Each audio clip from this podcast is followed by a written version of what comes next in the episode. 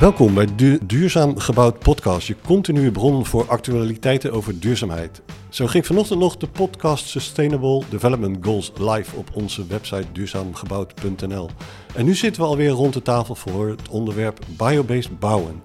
Met als centrale vraag hoe we meer kunnen gaan bouwen met alternatieve en secundaire en bovenal natuurlijke en hernieuwbare materialen. Mijn naam is Is Brand Visser, redacteur van Duurzaam Gebouwd.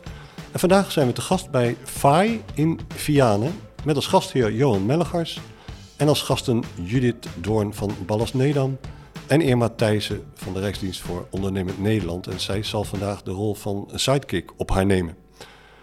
Goed, uh, we gaan beginnen. Welkom allemaal. Um, ja, toch een, natuurlijk even een voorstelrondje. Uh, ik wil ook beginnen met respect voor de beide dames bij onze gastheer, Johan Mellegars van FAI. Kun je even voorstellen wat uh, jouw functie is en wat FAI doet? Ja, ik heb een, een, een deftige functienaam, Developer Sustainable Products bij FAI. FAI is een internationaal bedrijf, dus daar ook de, de Engelse titel. Um, wat ik hier doe, ik ben hier zo'n jaar werkzaam.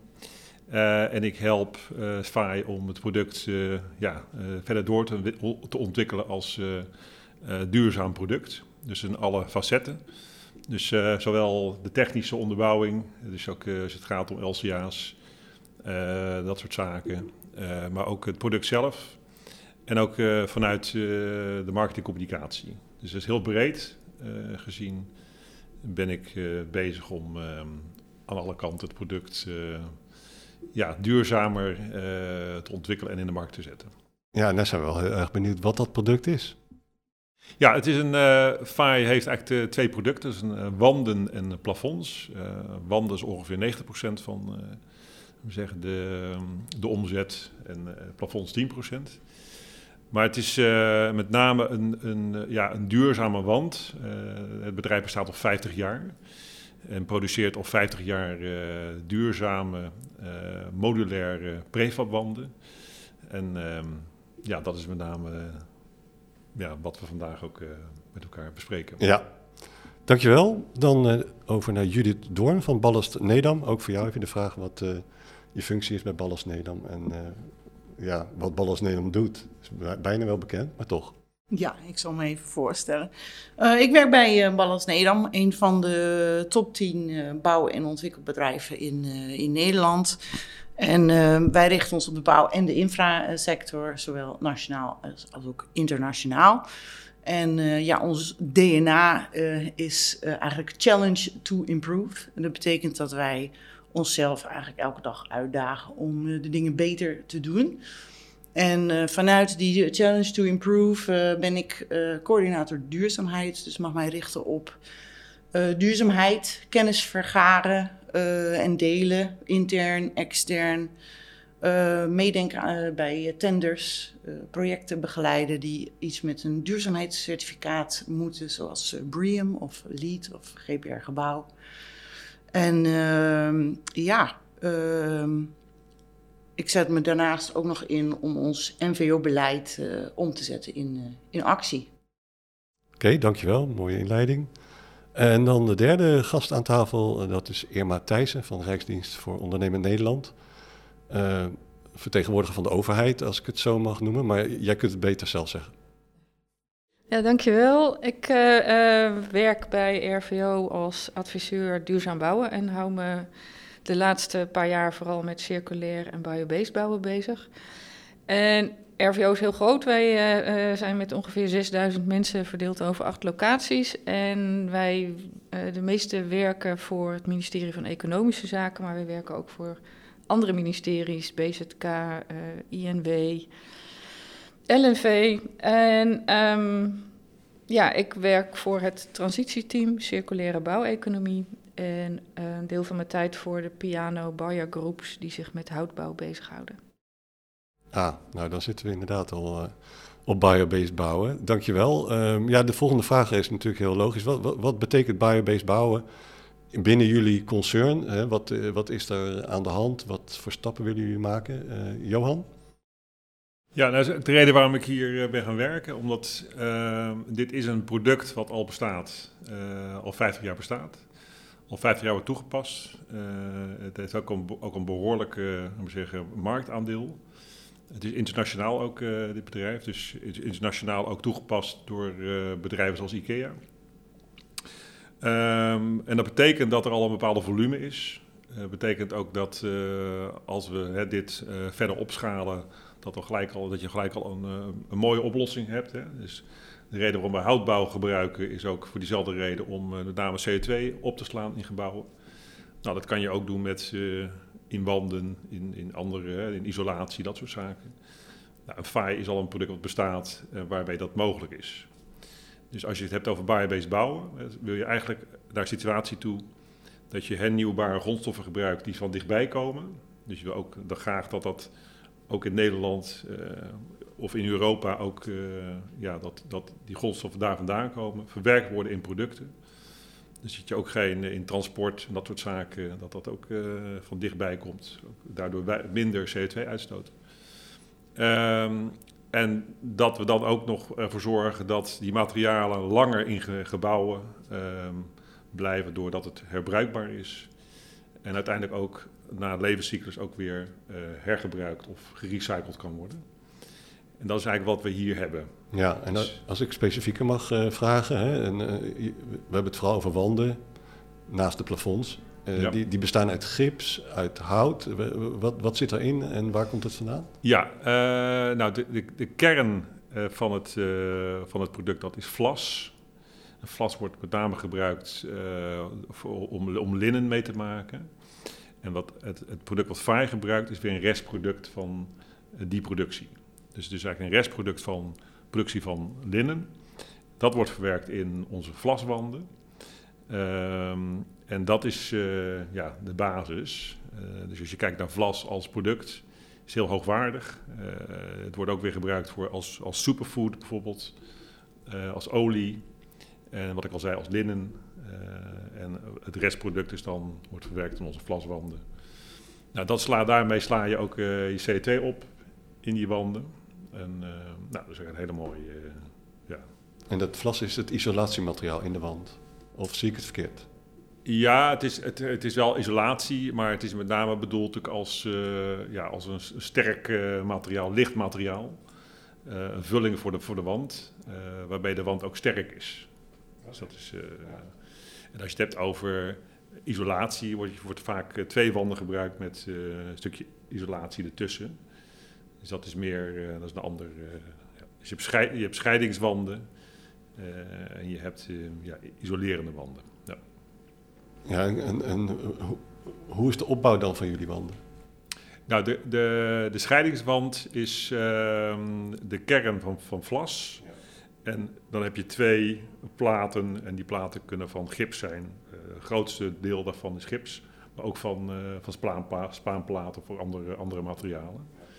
Maar de, de meeste wanden, dat is inderdaad uh, vlas met aan, beid, aan beide kanten een gipsplaat. Ja.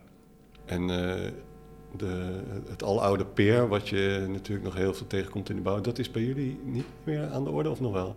Nog wel, ja. Uh, dat wordt met name gebruikt voor de, uh, zeggen, voor de, voor de binnenwand, door dat, uh, om dat te isoleren met name. Ehm, maar de, het grootste deel van de scheidingswanden, dat is vlas. Oké. Okay, ja. ja. dat is ook het duurzame product. Ja. Dat, ja. Goed, nou dan hebben we dat even goed uh, neergezet. Uh, Biobased bouwen bij Ballas Nedam, ja, dan hebben we het over complete woonblokken. Um, een, een, breed begrip bij jullie of kun je het al heel goed specificeren? Nou, wij, uh, wij hebben in ons MVO-beleid de ambitie neergezet dat wij in 2030 50% circulair willen zijn, 100% afvalvrij en CO2-neutraal willen bouwen. Uh, dat zijn nogal wat, ja, uh, nog niet zo gedefinieerde begrippen. Hè? Wat is 50% circulair? Wat we al wel hebben gezegd is dat, dat we dat willen bereiken door zoveel mogelijk losmaakbaar en aanpasbaar te bouwen. en door zoveel mogelijk hergebruikte en gerecyclede materialen toe te passen, voorkomen we dat we nieuwe grondstoffen moeten gebruiken. maar als we nieuwe grondstoffen uh, moeten gebruiken, dat we dan zoveel mogelijk biobased en non-toxisch willen toepassen. Dus wij zien biobased wel als een hele belangrijke in het bereiken van circulair bouwen. En weet je nu al welke materialen jullie gaan richten. Ik zie je lachen. Ja, hout, ligt heel erg voor de hand. Nou, er zit denk ik een heel groot verschil tussen uh, Ballas Nederland, het bouwbedrijf, en Ballas Nederland, uh, de ontwikkeltak. Als je ontwikkelt, heb je veel meer eigen keuze en kan je hele bewuste keuzes maken. Uh, maar een groot deel van ons bedrijf is, is bouwen en infra. En die reageren op, op tenders. En helaas is het wel zo dat bij die tenders al heel veel is vastgelegd. Uh, en dan hebben we nog maar weinig eh, in te brengen. Uh, er zijn vaak wel wat uitvragen die ons wat prikkelen. ik hoop dat het steeds meer wordt. Hè. Gisteren ben ik nog gebeld door een van onze business units. Die zei, hey, we hebben een uitvraag en daarvan moeten we 40% biobased of non-virgin toepassen. Kijk, dat zijn de puzzels waar ik dan heel enthousiast van word en, en gelijk ook uh, uh, mee aan de slag ga. Dus ik hoop dat aan die kant, vanuit opdrachtgevers, architecten, die vraag ook gewoon echt gaat toenemen. kom maar met een schetsontwerp en, en wij denken mee. graag zelfs. Ehm, en als ik kijk naar de ontwikkelkant, ja, dan ehm, zien we dat daar veel meer mogelijkheden zitten. Eh, we hebben bijvoorbeeld uh, Park Connect, is een business unit van ons. die maken bijvoorbeeld bruggen of uh, tijdelijke parkeergarages met het remontabele modupark concept. En daar gaan ze ook steeds meer kijken naar biobased toepassingen. En die focussen zich vooral op, op hout, omdat ze vooral met draagconstructies te maken hebben. Uh, en eigenlijk zijn er alleen nog, heb ik begrepen, uh, rekenregels voor hout om uh, draagconstructies mee uit te rekenen. en er nog best wel wat discussies over biocomposieten zijn. En nog geen echte rekenregels. Nog een beetje te veel in de testfase. en Ballas Nederland Development heeft een hele leuke prijsvraag gedaan. Hè? Het Natuurhuis.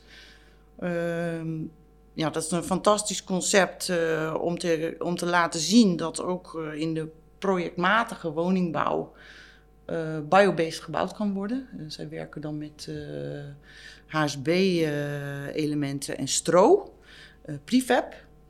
en daarmee laten ze eigenlijk zien dat het ja, betaalbaar en schaalbaar kan zijn. we kijken uit naar de eerste acht woningen die gerealiseerd gaan worden. Er zitten ook de, de in, hè?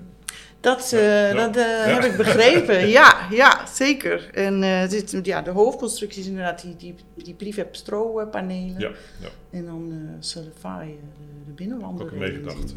ja, super mooi project. Ja, En zo hebben we ook Horizons, een heel groot woningbouwproject in Amsterdam van Development. en daar zet ze ook in op een houten constructie, CLT, vloeren.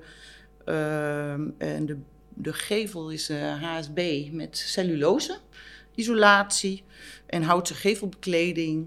Uh, en volgens mij kijken ze ook bij de, bij de afwerking bijvoorbeeld naar materialen zoals bamboe uh, en biobased verf. Ja, en je noemde die, hè, want aan de ene kant heb je Ballas Nederland Development. We kennen natuurlijk onder dwars daar als grote pleitbezorger. Maar je had het zo net ook over jullie eigen tak met een tender waar die 40% eh, werd genoemd. Uh, heb je ook al een denkrichting hoe je dat dan wilt invullen? Ja, ik, uh, ik weet dat ze bij dat project samen gaan werken met onze fabriek Ursem. Hè. Die maakt prefab units. daar zit al wat hout in, maar je kan daar gewoon verder niet gaan denken nu. Van welke isolatiematerialen passen we toe, welke plaatmaterialen is overal beton nodig? Of kan het ook een ander materiaal zijn? Dus daar, daar kunnen we nu even met het team gaan inzoomen. En ook uh, en prikkelen om, uh, om het out of the box uh, te denken en, en, een ander materiaal te kiezen. Maar jullie zijn, je hebt nog niet bepaalde materialen die je al kan noemen? Of ik heb gisteren de vraag binnengekregen. Oh, Ik kan niet wachten om eraan ja, te beginnen. ja. ja. Jij noemde de, de, rekenregels. Dan komen we helemaal ook op het terrein eh, van Irma. Uh, je hebt de buyer groups, je hebt verschrikkelijk veel labels en mogelijkheden. En ook de vraag van wat worden de normen in de komende jaren? Want dat hoor je heel vaak bij de opdrachtgevers ook van hoe, wat zijn de specifieke normen? Wat, wat zijn de ontwikkelingen daarin, Irma? ja, ik, ik wil even één stapje terug. Hè, van, vanuit het transitieteam uh, Circulaire Bouweconomie hebben wij uh, onderzoek laten doen door het EIB en Metabolic. Uh, naar materiaalstromen in de bouw, dus de, de BNU en de GWW-infrasector. en, want bij circulaire bouweconomie denkt iedereen eerst aan um, ja, slimmer bouwen en materialen zoveel mogelijk in de keten houden. Maar daar komt eigenlijk uit dat als je alles uh, wat uit sloop en, en uh, projecten vrijkomt, als je dat allemaal optimaal zou kunnen hergebruiken, dan heb je eigenlijk maar 20% gedekt van wat we nodig hebben. Dus er is een gat van 80%.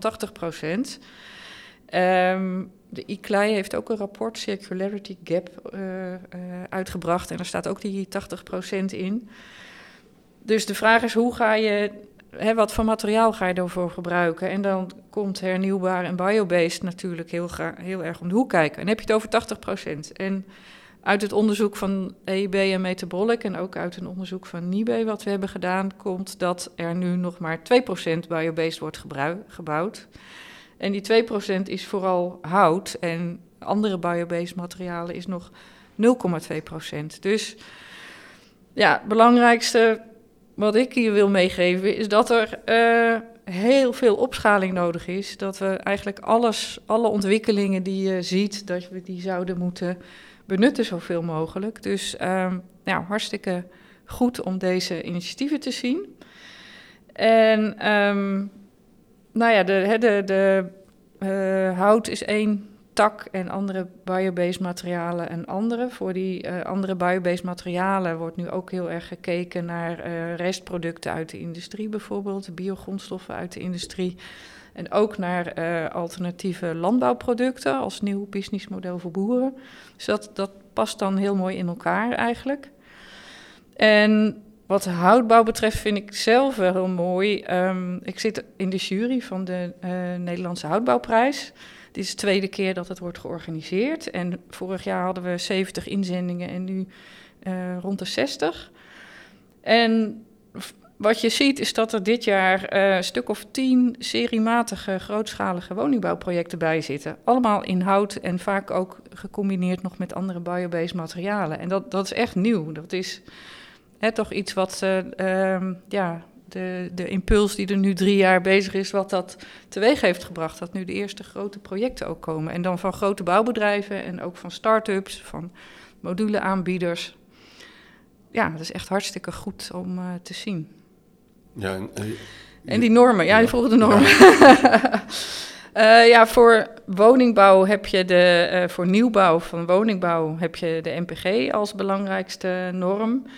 En die wordt komende jaren aangescherpt en daar is het ministerie van Binnenlandse Zaken mee bezig. En daar, er liggen ook wel uh, signalen van um, uh, onderwerpen die daar nog beter uh, in zouden moeten worden opgenomen, zoals CO2-opslag van hout en andere biobased materialen.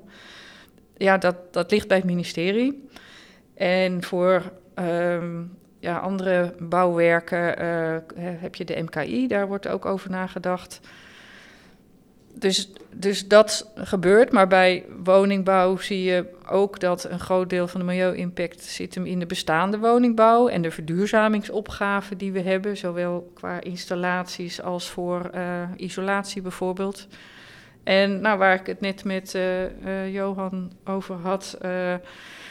Je hebt ook uh, in de retailsector en in de, de, bij de hogescholen en universiteiten dat er ieder jaar alle, al het binnenwerk wordt vervangen. Hè? Dan gaan al die binnenwanden en ook plafonds en vloeren en verlichting, dat wordt allemaal uh, eruit gehaald en er komt weer nieuw in met een andere indeling. Ja, daar ligt natuurlijk een fantastische kans om zo'n product als uh, de platen van Faye toe te gaan passen. Want die, heb ik begrepen, kan je zeven keer hergebruiken. Dus hoe mooi is dat?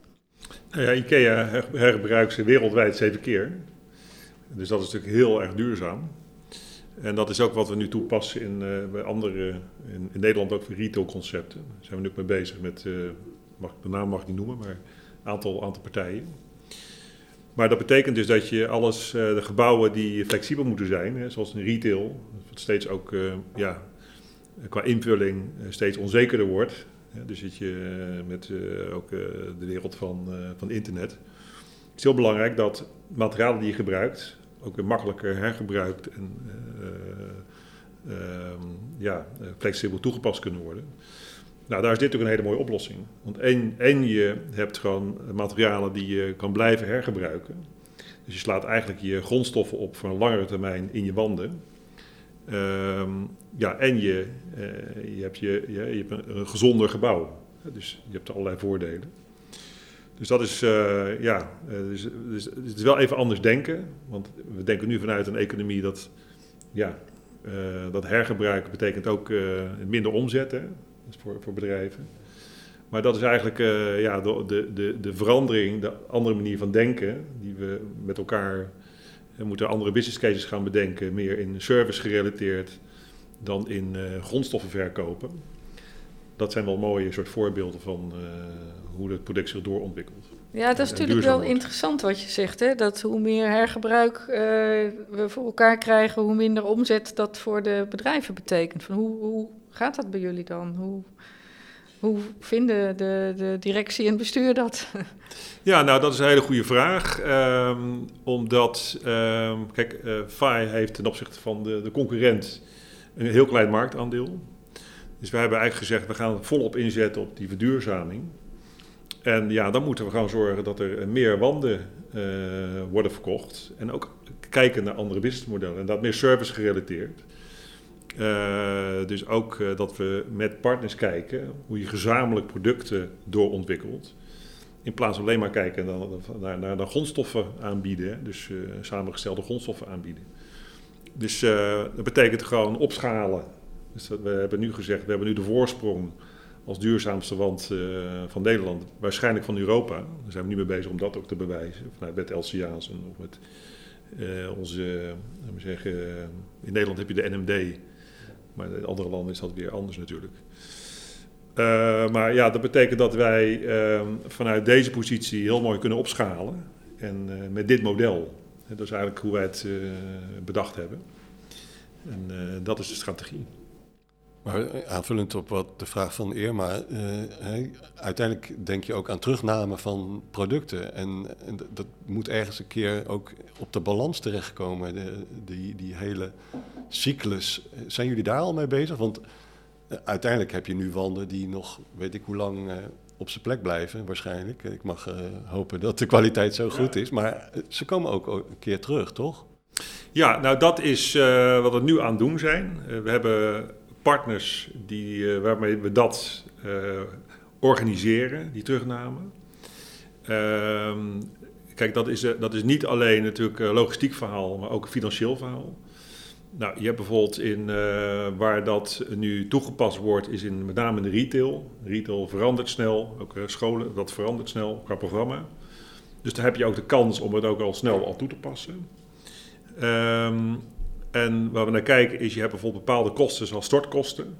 Nou, als je, als je, als je, als je logistiek, is er al een logistiek proces. Nou, daar maak je gebruik van. In plaats van dat het naar de stort wordt gereden, wordt het gewoon naar Faaien gebracht. Nou, de partijen hebben geen stortkosten meer. Dus dat is een, een, een win, een, een win, uh, win-win situatie.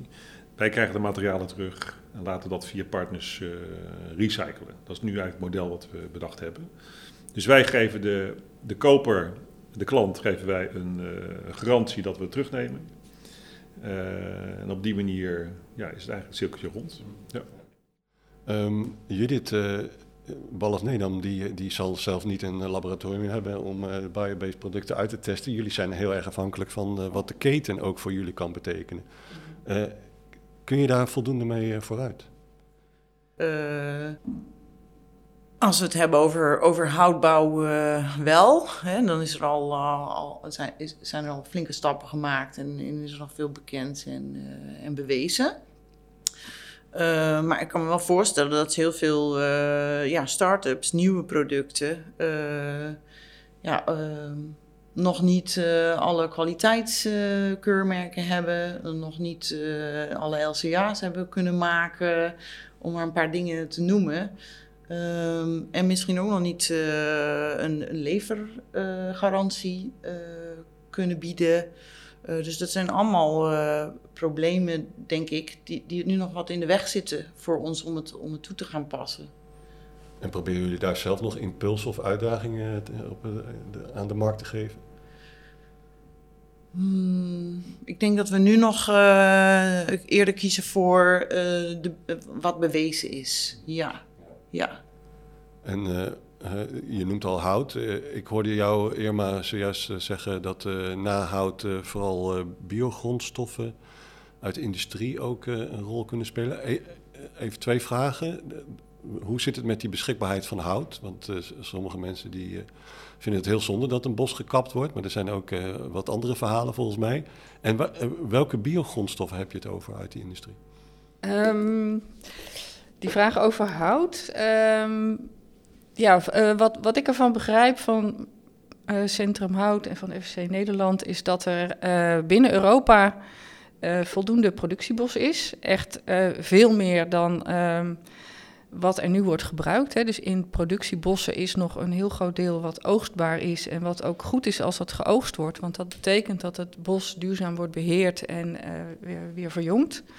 Dus het is alleen maar goed om dat hout te gebruiken. En als wij in Nederland zouden opschalen naar 100.000 woningen per jaar in hout, dan is dat nog maar een fractie van wat er aan oogst, te oogsten hout beschikbaar is. En dan heb je het over Scandinavië, Oostenrijk, Duitsland, uh, Baltische Staten. Dat, dat zijn de, de, de grote uh, productiehoutleveranciers. Dus dat, dat is geen probleem. En het is uh, zelfs ook gunstig om um, hout uit de tropen te, te kopen. Dan wel met een keurmerk van FSC of PEFC omdat je daarmee ook stimuleert dat daar de bossen in stand blijven en duurzaam worden beheerd. Dus, dus ja, wat dat betreft is het alleen maar goed om te gebruiken. En uh, die biogrondstoffen uit de industrie, wat ik ervan begrijp, maar dat zit, ik, ik zit daar niet zo heel erg goed in, is dat dat uh, vooral nu als uh, toeslagmaterialen en bindmaterialen in bijvoorbeeld beton en asfalt wordt toegepast. En um, dus dat, dat, en dat is natuurlijk ook heel mooi als je een hele stroom toeslagmaterialen kan vervangen. Dus dat, ja.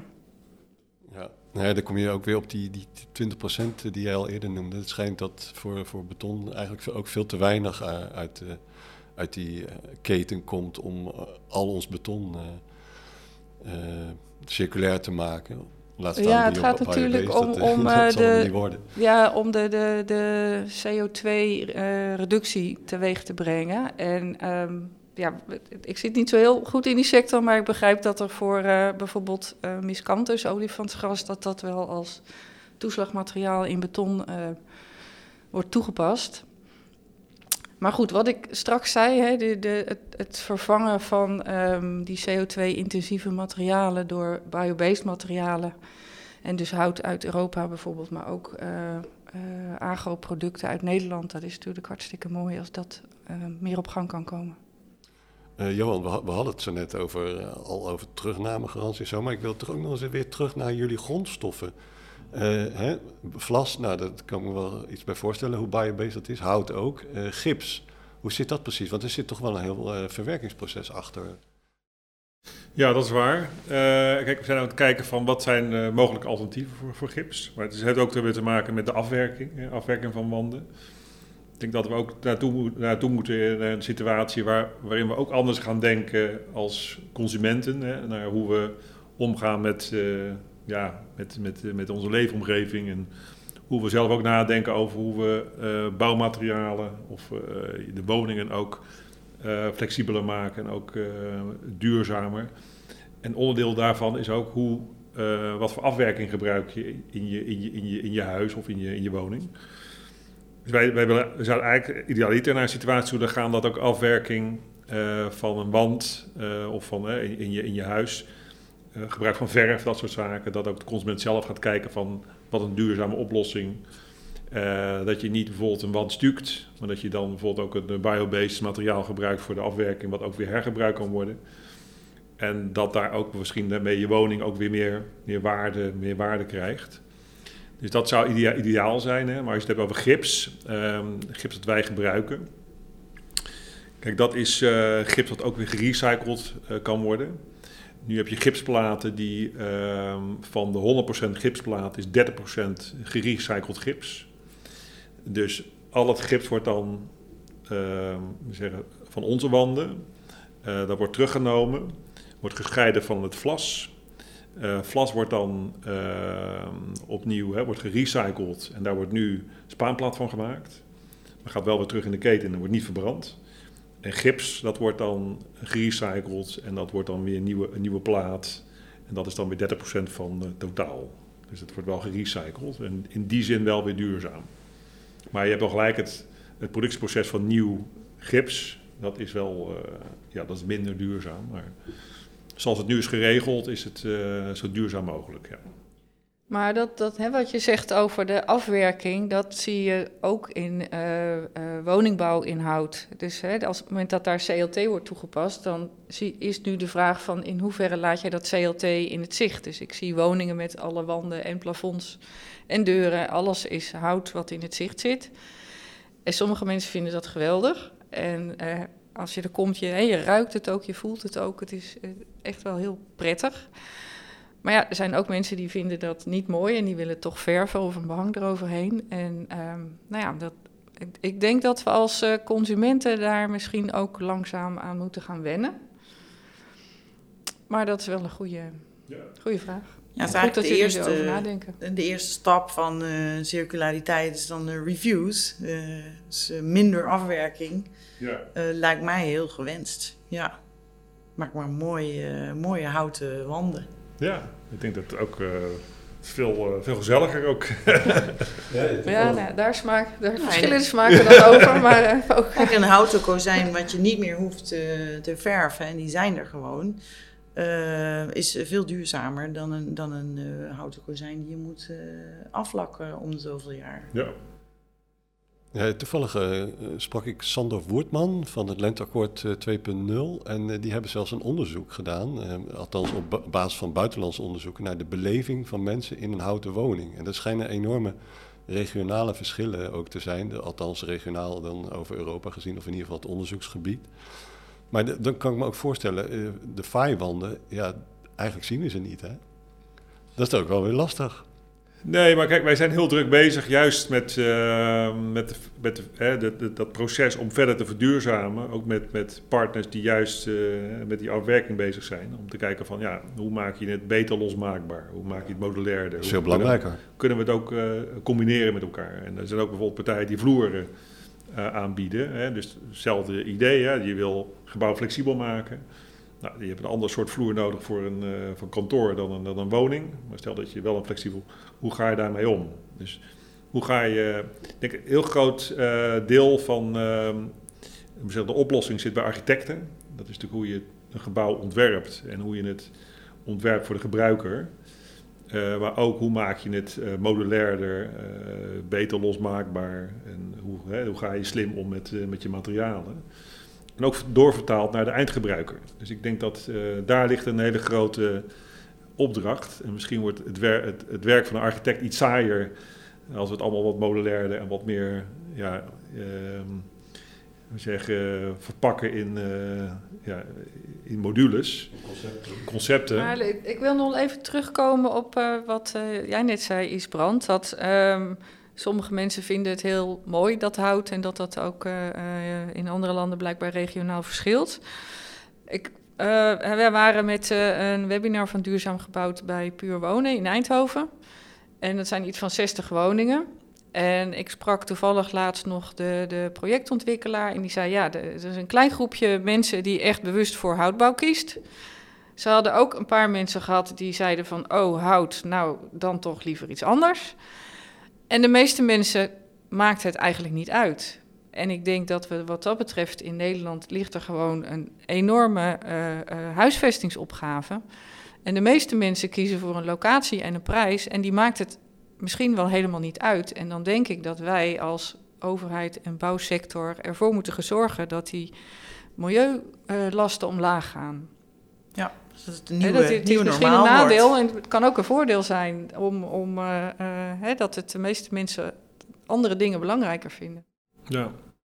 Ja, als je nu een huis koopt, dan is er als, als, eh, als particulier in ieder geval geen eh, Ja, verplichting. je bent, dan- ja, je bent dan lang vogelvrij. blij als je Ja. een, eh, een huis hebt op de locatie die je wil en voor de Ja. prijs die je kan betalen. Ja. ja, dat was Ja. een vraag die al op mijn lippen rustte aan Johan. Want je hebt het over architecten die dit moeten leren ontdekken. Maar vind jij dat er voldoende eh, ja, regelgeving is om juist jullie product eh, in een eh, project toe te passen? Of moeten jullie zelf ook ontzettend veel doen om nog ja, die, die wijze lessen over de bühne te krijgen?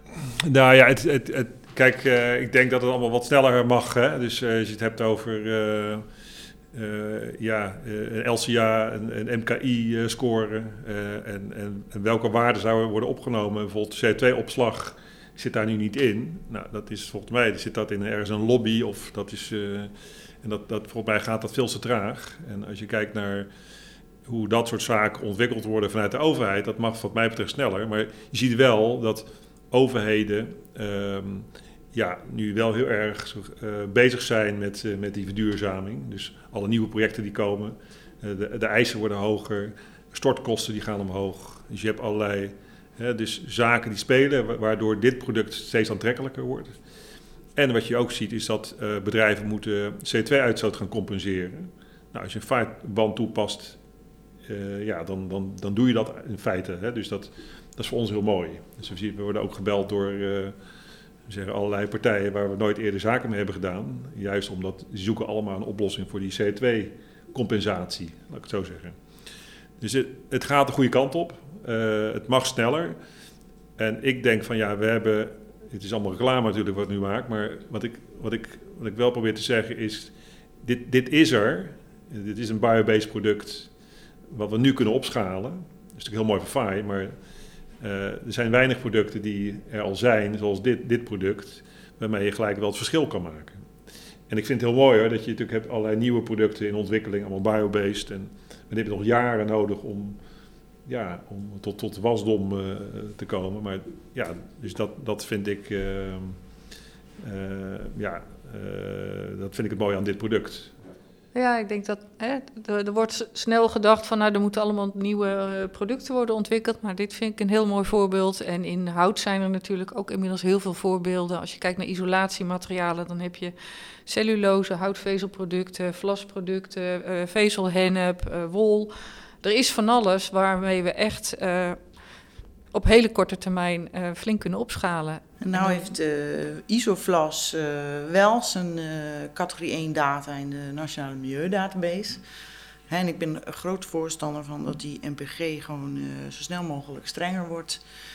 Maar laten we wel met z'n allen ervoor zorgen dat die NMD gewoon gevuld wordt. Met zoveel mogelijk producten. zodat we ook gewoon dat goed kunnen uitrekenen. En al die isolatiematerialen, hennep, cellulose, vlas, eh, dat dat er gewoon eh, in staat en dat je daarmee kan rekenen en niet meer met een foutmarge van 30%. Ja. Ja, helemaal, helemaal gelijk. Er, er lopen ook nu programma's om meer biobased producten en ook meer installaties, bijvoorbeeld in de NMD. eh, Ja, dat is nu ook een subsidie Ja. hè, van de NMD. Ja. Maar dat is dus echt iets wat jullie als Ballas Nederland in de praktijk tegenaan lopen om, om projecten te verduurzamen. Ik denk dat dat ons eh, enorm kan helpen. Ja. Ja. Maar je zei ook van we zijn deels afhankelijk van eh, wat er in tenders wordt gevraagd. Eh, daar zit er dus onvoldoende in.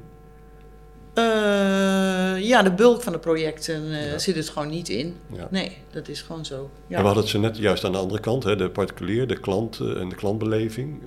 Wat zeggen jullie of vragen jullie klanten? Of is die inderdaad helemaal nog niet zo eager hierop?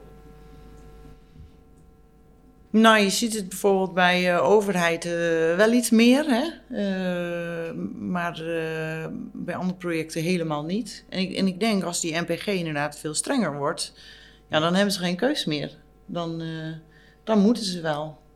Ja, en er was dus dat pleidooi van, van de Gideon-bende onlangs om een soort MPG 2 eh, toe te voegen aan de huidige regelgeving en dan meer uh, die milieu-impact in de productiefase mee te nemen? Sta je daarachter? Ik vind het een lastige. Ik, ik snap waar het vandaan komt, uh, maar ik heb eigenlijk altijd geleerd, hè, je moet naar de LCA kijken, de, de, de, de hele levenscyclus. Dus ook de milieubelasting in de onderhoud in de afvalfase moet je meenemen om een echt duurzame keuze te maken. En nu uh, met die NPG2 laat je dat juist weer helemaal weg. Uh, nu zeggen ze wel dat je dan dus, dus twee indicatoren krijgt, hè? De, de hele NPG en de, en de NPG2. Uh, en dan denk ik, ja, dan hebben we weer twee knoppen waar we aan gaan draaien. En we hebben al best wel wat knoppen. Krijgen we dan niet te veel? En krijg je dan ook niet dat een materiaal op de NPG2 wel weer goed scoort, maar op de NPG1 minder? En dan ja, waar moet je dan gaan zitten tweaken? Wat, wat krijgt voorrang? Uh, maken we het niet uh, te ingewikkeld daarmee? Ja. ja, ik begreep van hen dat het, de cijfers op zich wel makkelijk uh, te achterhalen zijn om, om die MPG 2 neer te zetten. Ja, die kan je gewoon uit je ja. MPG halen. Ja. maar daar, daar gaat dan ook een, een, een minimum of een maximumwaarde voor gelden, stel ik me zo voor. Uh, en dan, dan uh, wordt het de puzzel uh, nog iets groter. Ja, is, is het een puzzel, Irma? Want ik neem ja, aan dat jij dit wel ja, tegenkomt. Ja, volgens mij wel. Volgens mij liggen er bij het ministerie voorstellen voor iets van twaalf criteria om die wel of niet beter in de NPG op te nemen. En is ook al jaren bekend de, ja, de balans tussen uh, energieprestaties in, in de Beng-eisen en de uh, MPG. Hè? Dus als je heel veel zonnepanelen toepast, dan scoor je weer goed op energie en weer minder op, uh, op de MPG. En dat geldt ook voor isolatie. Je wilt natuurlijk dikke isolatie, maar ja, dan heb je ook weer meer materiaal nodig. Dus het is een soort communicerend vat en, en dat punt dat is ook bekend. Ik weet niet wanneer en wat er precies uit gaat komen. Het ligt allemaal bij het ministerie, maar het is wel, zijn wel bekende uh, uh, problemen die er nu zijn. Um, ik zie ook juist wel heel veel opdrachtgevers die gaan vragen naar meer circulair en conceptueel en biobased bouwen. Hè. Je hebt het Lenteakkoord natuurlijk, maar je hebt ook de City Deal. Je hebt het FSC Home programma, Cirkelstad met het nieuwe normaal, de, de, de MRA, de metropoolregio Amsterdam waar de, 30 gemeenten onder vallen, die uh, hebben ook gezegd dat ze 20% houtbouw willen gaan uh, realiseren in 2025. De nieuwe bouwcultuur met prijsvraag van de, van de week. Er is echt gewoon heel veel gaande. Het heeft ook in de miljoenennota gestaan. En vanochtend zag ik ook weer een Kamerbrief en een uh, concept klimaatnota waar biobased in genoemd wordt. Dus ik, vanuit die kant komt, wordt echt wel de vraag aangewakkerd. En nou ja, volgens mij zijn er ook heel veel initiatieven. En um, ja, ik denk, laat, ga het gewoon toepassen. We hebben ook net een, uh, voor een paar maanden geleden een uh, handreiking voor gemeenten gemaakt. Met advies hoe je nou circulaire woningbouw kan uitvragen via tenders. En daar komt eigenlijk en, en, en hoe je dan een lage NPG kan uitvragen. Nou, dat kan tot 0,4 zelfs eh, zien we daar voorbeelden. En dan zie je dat daar ook wel heel vaak uh, houtbouw en biobased naar voren komt. Dus het, het, het, biedt heel veel kansen ook om die NPG lager te krijgen. Maar wat ik straks ook zei, dat gaat dan allemaal over uh, nieuwbouw. Hè? Dus er is ook nog een hele grote opgave in de bestaande bouw. En um, ja, daar is nog niet zo heel veel aandacht voor. Maar eigenlijk valt daar natuurlijk ook heel veel te halen. Ik denk het mooiste zou zijn als je een situatie zou hebben. Eh, je hebt nu bijvoorbeeld uh, stikstofprobleem met de boeren. Dus eigenlijk zou kijken als overheid van, dat is mijn wereld, ideale wereld. Hè. Je zou kunnen kijken van, uh, de, in plaats van dat je boeren uit gaat kopen voor zoveel miljard, dat je eigenlijk gaat kijken van, we gaan met elkaar die transitie financieren als PV Nederland. Je weet wat de bouwopgave is. Dus je kan eigenlijk zeggen van, die stikstofuitstoot daar, die kan je vertalen naar CO2-opslag door ja, uh, om zeggen, gewassen zoals uh, vlas, uh, hennep, olifantengras, dat toe te passen. dat vertalen naar materialen die je weer opneemt in je, in je bouwopgave. En de vraag is er, dus de, de, de vraag, materialenvraag is er. Dus je weet dat, je weet wat er de komende jaren gebouwd gaat worden. Dus je hebt eigenlijk ook de hele de keten al in handen. Dus je zou als overheid kunnen zeggen, we gaan daarin investeren. En we gaan als land dat ook nog exporteren. Er zit natuurlijk een verdienmodel achter. Dus ik, het is, volgens mij is het veel slimmer om daarin te investeren. Om van stikstofuitstoot naar CO2-opslag en gebouw gezonder te maken. Dan dat wat nu gebeurt, het beleid. Van dat je boeren uitkoopt. En ja, dat dat gewoon een, eigenlijk een kostenpost uh, wordt. Dus ik denk, je moet eigenlijk slimmer gaan investeren. Ja, dat zijn, zijn, mooie ontwikkelingen. Ik heb toevallig contact met een uh, uh, coöperatie van 25 boeren in Friesland... die uh, voor een deel overstappen op vezelhennepteelt... en daar kunnen ze dan weer isolatiedekens van maken. Ja, en, maar het blijft een beetje kip-ei verhaal. Hè? Want zij willen dat heel graag in grootschalige woningbouwprojecten toepassen. Het gebeurt nu een enkele keer in een utiliteitsgebouw... en vaak in particuliere woning projecten. Maar eigenlijk staan zij klaar om op te schalen. Maar hè, wie durft het nou aan? Hè? Er, moet iemand zijn die het aandurft om dat gewoon toe te gaan passen. En dan, dan kunnen zij uh, binnen een jaar opschalen. Het gaat om prijs. zelfs zonder overheids. Nou ja, het probleem daar is denk ik ook nog, maar het is een heel ander vakgebied, moet ik niet al te veel uh, ingaan. Maar dat de, de landbouwsector natuurlijk ook heel veel op subsidies draait. En ja, als je dat weg zou denken, dan heeft uh, die agrosector kan met biobased bouwmaterialen ook kan dat economisch zou dat ook uit kunnen. Ja. Maar goed, daar mogen we mooie rekensessies op uh, af laten gaan, denk ik. Nou ja, het, was, het was inderdaad een vraag die ik ook op papier had staan aan, jou, Johan, over dat vlas. Hè? Want nu is het bij wat jullie binnenhalen, dat is het restproduct, zei je. Ja. Uh, maar hebben jullie al zitten rekenen van hoeveel boeren je bij wijze van spreken nodig hebt of hoeveel hectare om, om jullie grondstoffen te kunnen leveren? Is dat al bekend? Nee, nee dat, hebben we, dat is wel uh, waar we mee bezig zijn. We zijn, er zitten ook in een aantal van dat soort programma's. Te kijken van uh, hoe ga je dat nog lokaler. dus die, die cyclus, of hoe ga je dat die, die cyclus van, uh, van grondstof naar uh, recyclen, terug naar je product, hoe ga je dat organiseren voor de toekomst? dus we kijken daar ook met lokale boeren van, is, is, daar een, is daar een kans voor de toekomst? Maar wij, wij, zijn, wij halen onze, onze vlasplaat ehm, nou, uit Frankrijk en, en België. Dus dan zou je dat ook, als je dat lokaal wil doen, zou je ook over moeten stappen op zelf uh, produceren van, van die plaat. Nou, dat is wel iets in, het, in de toekomst waar we naar kijken, uh, mogelijk. Dus, uh, dus ja, dat is, een, uh, dat is niet morgen, niet volgend jaar, dat is de lange termijn. Ja. Maar bijvoorbeeld om vlas te, te telen, als ik het goed zeg, ja. heb je daar gigantische oppervlaktes voor nodig? Of is dat, het is, dat olifantsgras, dat, ja. dat schijnt nogal snel lekker groot te worden. Hoe moeten we dat bij vlas zien? Nou, dat zou trouwens een, een mooie combinatie zijn. Een rotatie, uh, vlas, olifantengas. En dan, ja, dan zou je ook veel gezonder uh, landbouw... Uh, maar dat, ehm, ja, dat, dat, dat, weten we niet. Dat is een hele goede vraag. Ja. Misschien dat we die komende maanden kunnen beantwoorden. Ja. Uh, nog toch, kijk ook weer naar Irma. is vanuit de overheid al uh, zicht dat, dat de boeren of de landbouwsector daarvoor klaar staat? Of je zei het zo net al. Kunnen we misschien aan meneer Remkes vragen? nee, sorry, dat kan ik nee. zo, dat weet ik zo niet. Nee, nee. nee. bij Ballas Nederland, hoe, hoe ziet de keten er daaruit?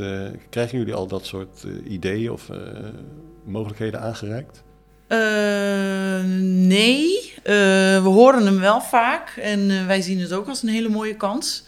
Ehm ik denk ook dat het echt gaat helpen als het veel meer mainstream beschikbaar is. Hè? Dat je het ook gewoon in met, je, met je grote bouwhandelaren, dat je daar gewoon in de schappen kan, kan terugzien en, en, en, makkelijk kan inkopen.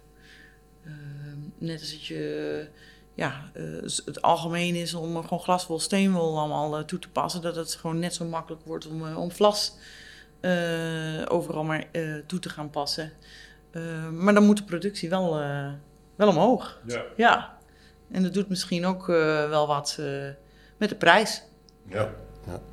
Nou, ik ben niet van plan boer te worden. Nou ja, maar, dat, is, dat is natuurlijk ook een mooie kans. Moet Omdat je ziet dat de, opschalen. de minerale wol, die wordt nu een stuk duurder omdat de energiekosten stijgen. En dan worden die agroproducten ook weer interessanter. Die worden hè, lokaal geproduceerd en minder energie voor nodig.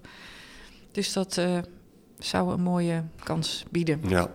Eh, Irma noemde ze juist al een, eh, ja, bijna een woud, eh, zou ik willen zeggen, van eh, programma's die er momenteel spelen in eh, Mm. Nederland. Wa- waar ziet Ballas Nederland de belangrijkste mogelijkheden en kansen om aan te sluiten in die programma's? Een lastige vraag. Ja, dat is een lastige vraag. Er, er, loopt veel eh, en eh, we sluiten ons ook bij veel aan.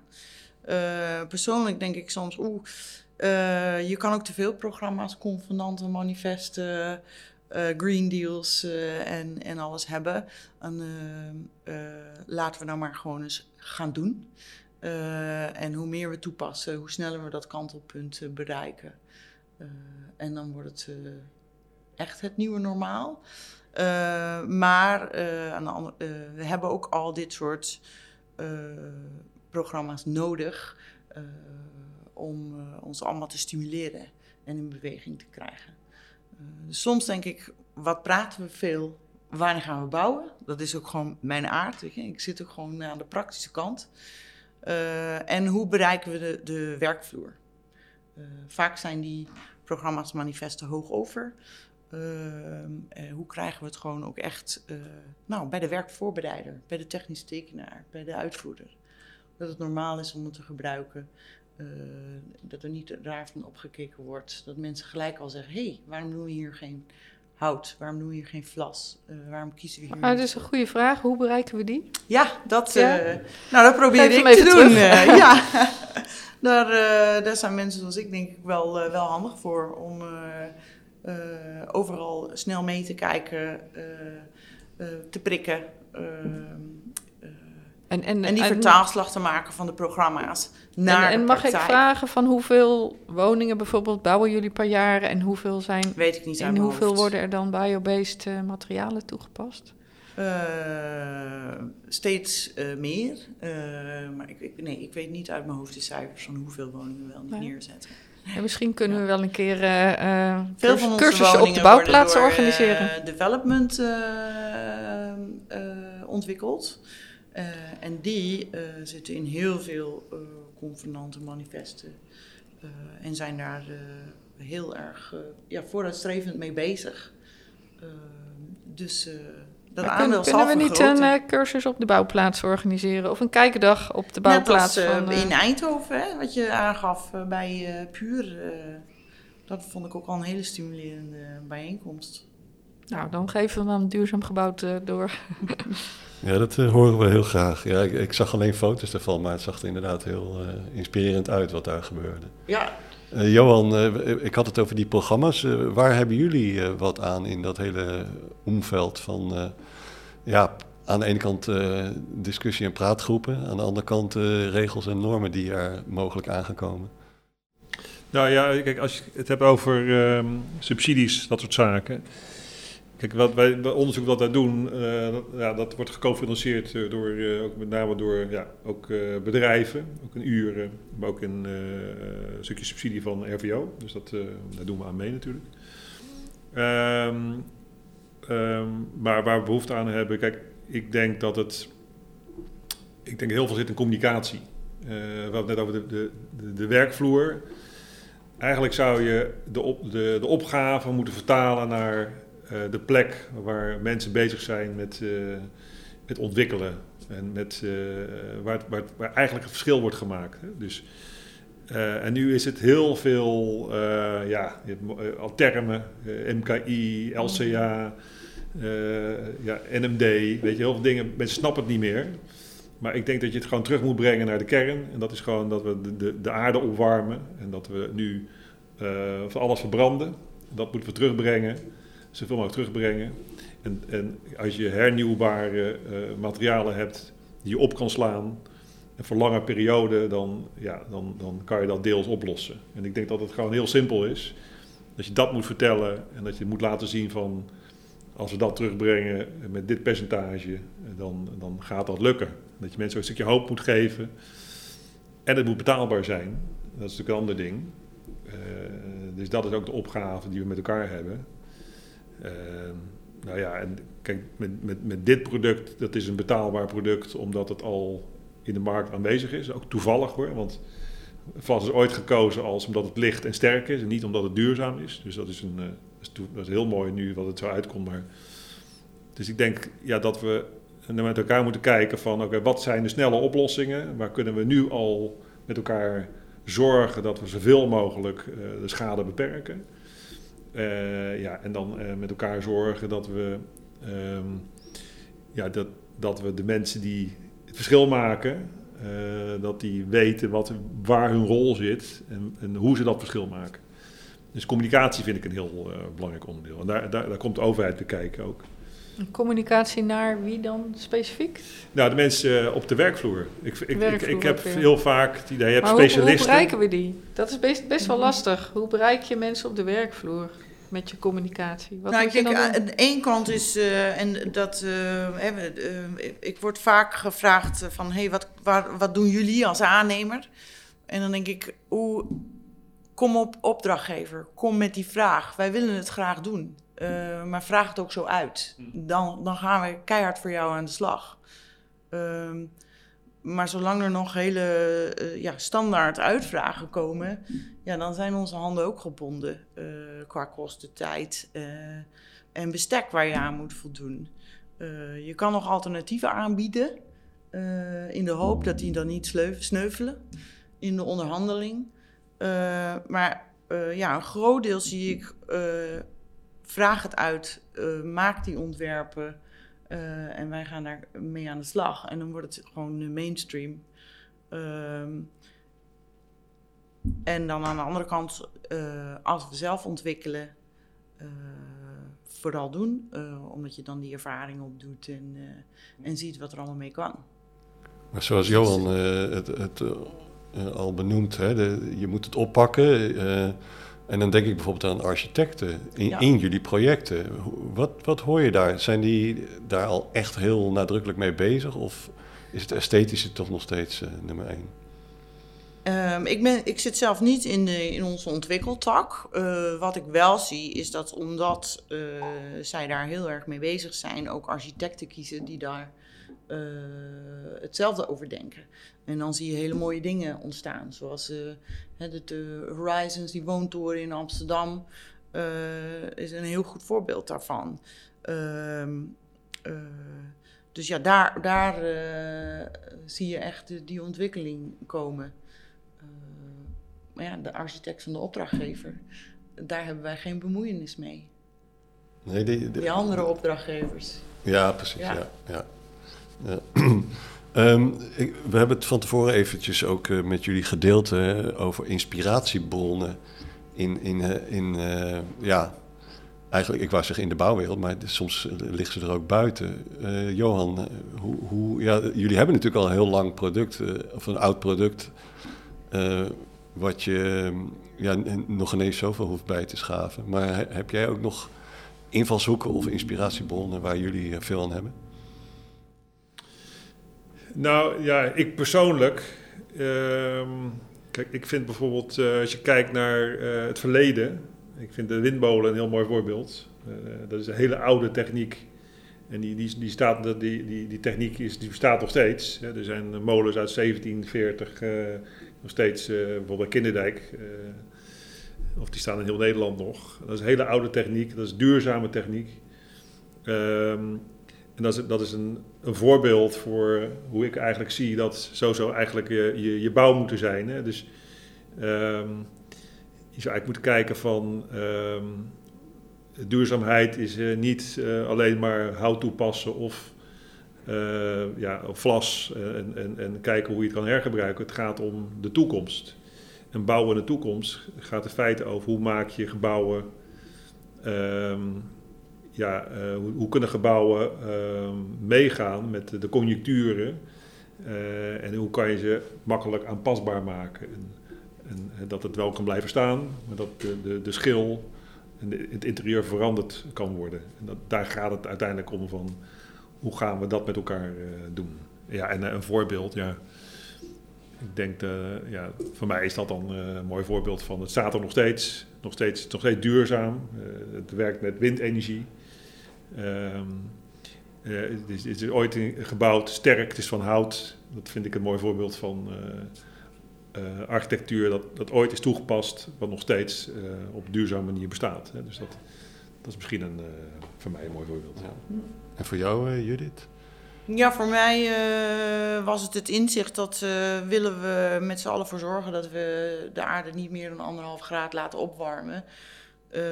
Dat we met CO2-reductie alleen gewoon niet meer redden. En dat we dus echt CO2 moeten gaan opslaan. Um, en uh, dat we door biobased uh, materialen te gaan gebruiken als bouwsector daar gewoon een hele grote bijdrage aan kunnen leveren. Ja, dat, dat, dat lijkt me geweldig als we dat oppakken en met z'n allen gaan doen. En is hout dan toch duidelijk de nummer één, ook om beton langzamerhand wat hout, en, uh, maar ook ja, biobased isolatiematerialen zie ik een hele grote rol voor. Hè. Dan, eh, ja, persoonlijk zou ik het liefst af willen van alle peer-per EPS. Het is allemaal fossiel gebaseerd en wel recyclebaar, maar je hebt altijd virgin materiaal nog voor nodig. Dus laten we daar zo snel mogelijk overstappen op biobased. Ja. En jou eigenlijk ook de vraag, Irma, wat, wat ja. voor jouw inspiratiebronnen zijn? ja, ja, nou ik probeer zelf altijd een beetje balans te zoeken. Want bij de Rijksoverheid zit ik natuurlijk ook in heel veel overleg en taaie trajecten. En uh, gaat het allemaal uh, voor mij ook soms uh, langzaam. En waar ik mijn inspiratie uit haal, zijn vooral de, de mooie voorbeelden. En nou, van de week is een hele dag projectbezoeken geweest. En er worden echt de meest prachtige bouwwerken en, en woningen gemaakt, biobased. Dus en, en circulair hè, wordt ook heel veel hergebruikt. Ik weet van, van woningcorporaties, die hebben natuurlijk vooral heel veel sociale woningen in beheer. En die zijn ook met mooie voorbeelden bezig om materialen en, en oude structuren in stand te houden. Ook om biodiversiteit en natuur toe te voegen zelfs. Um, dus ja, dus ik zeg tegen een heleboel van mijn collega's, ik heb natuurlijk ook een heleboel collega's die veel met regelgeving bezig zijn van achter hun uh, bureau. Ga projecten bezoeken. Je leert er heel, van, heel veel van. Je krijgt er heel veel inspiratie van. Van de mensen die er enthousiast mee bezig zijn en die laten zien wat er allemaal al kan. Oké, dankjewel. Het zou een mooie afsluiting kunnen zijn, maar zijn er nog uh, onderwerpen die jullie hadden willen aansnijden over biobased? We hebben al heel wat uh, inzichten meegekregen vandaag? Nou ja, wat mij betreft is het gewoon uh, niet heel ingewikkeld. Het is uh, ja, hernieuwbaar biobased materiaal van dichtbij. dus uit, uit een omgeving in, ja, dichtbij. Lokaal. Lokaal. en dat gebruiken en te verwerken in je, in je bouw. En zoveel mogelijk dan uh, uh, hergebruiken en dan weer recyclen. En uiteindelijk gaat het erom dat we zorgen dat die, die dat die aarde ja, minder snel opwarmt of, of niet opwarmt natuurlijk, maar dat, dat, dat we dat afremmen. Ehm, dat is eigenlijk de opgave. Ja, en tegelijkertijd gewoon mooie ja. bouwwerken neerzetten. Absoluut. Ja. En dat het ook betaalbaar is, dat is natuurlijk een, een, een ding. Dus, ja. Oké, dankjewel. Goed, uh, we gaan afsluiten. Bedanken jullie uh, voor uh, jullie aanwezigheid. Irma Thijssen, Johan Mellegers en Judith Doorn. Um, u ook bedankt voor het luisteren naar deze podcast. En wil je ons vaker beluisteren, abonneer je dan op onze podcast via Spotify, Apple Podcast of Soundcloud. En je kunt ons natuurlijk ook goed vinden op Twitter, duurzaam gebouwd, heel simpel natuurlijk. En vanzelfsprekend op LinkedIn. Stuur ons even een berichtje wat je ervan vond vandaag of welk onderwerp jij graag op onze agenda ziet verschijnen. Ik hoop dat je ervan hebt genoten en uh, tot de volgende keer.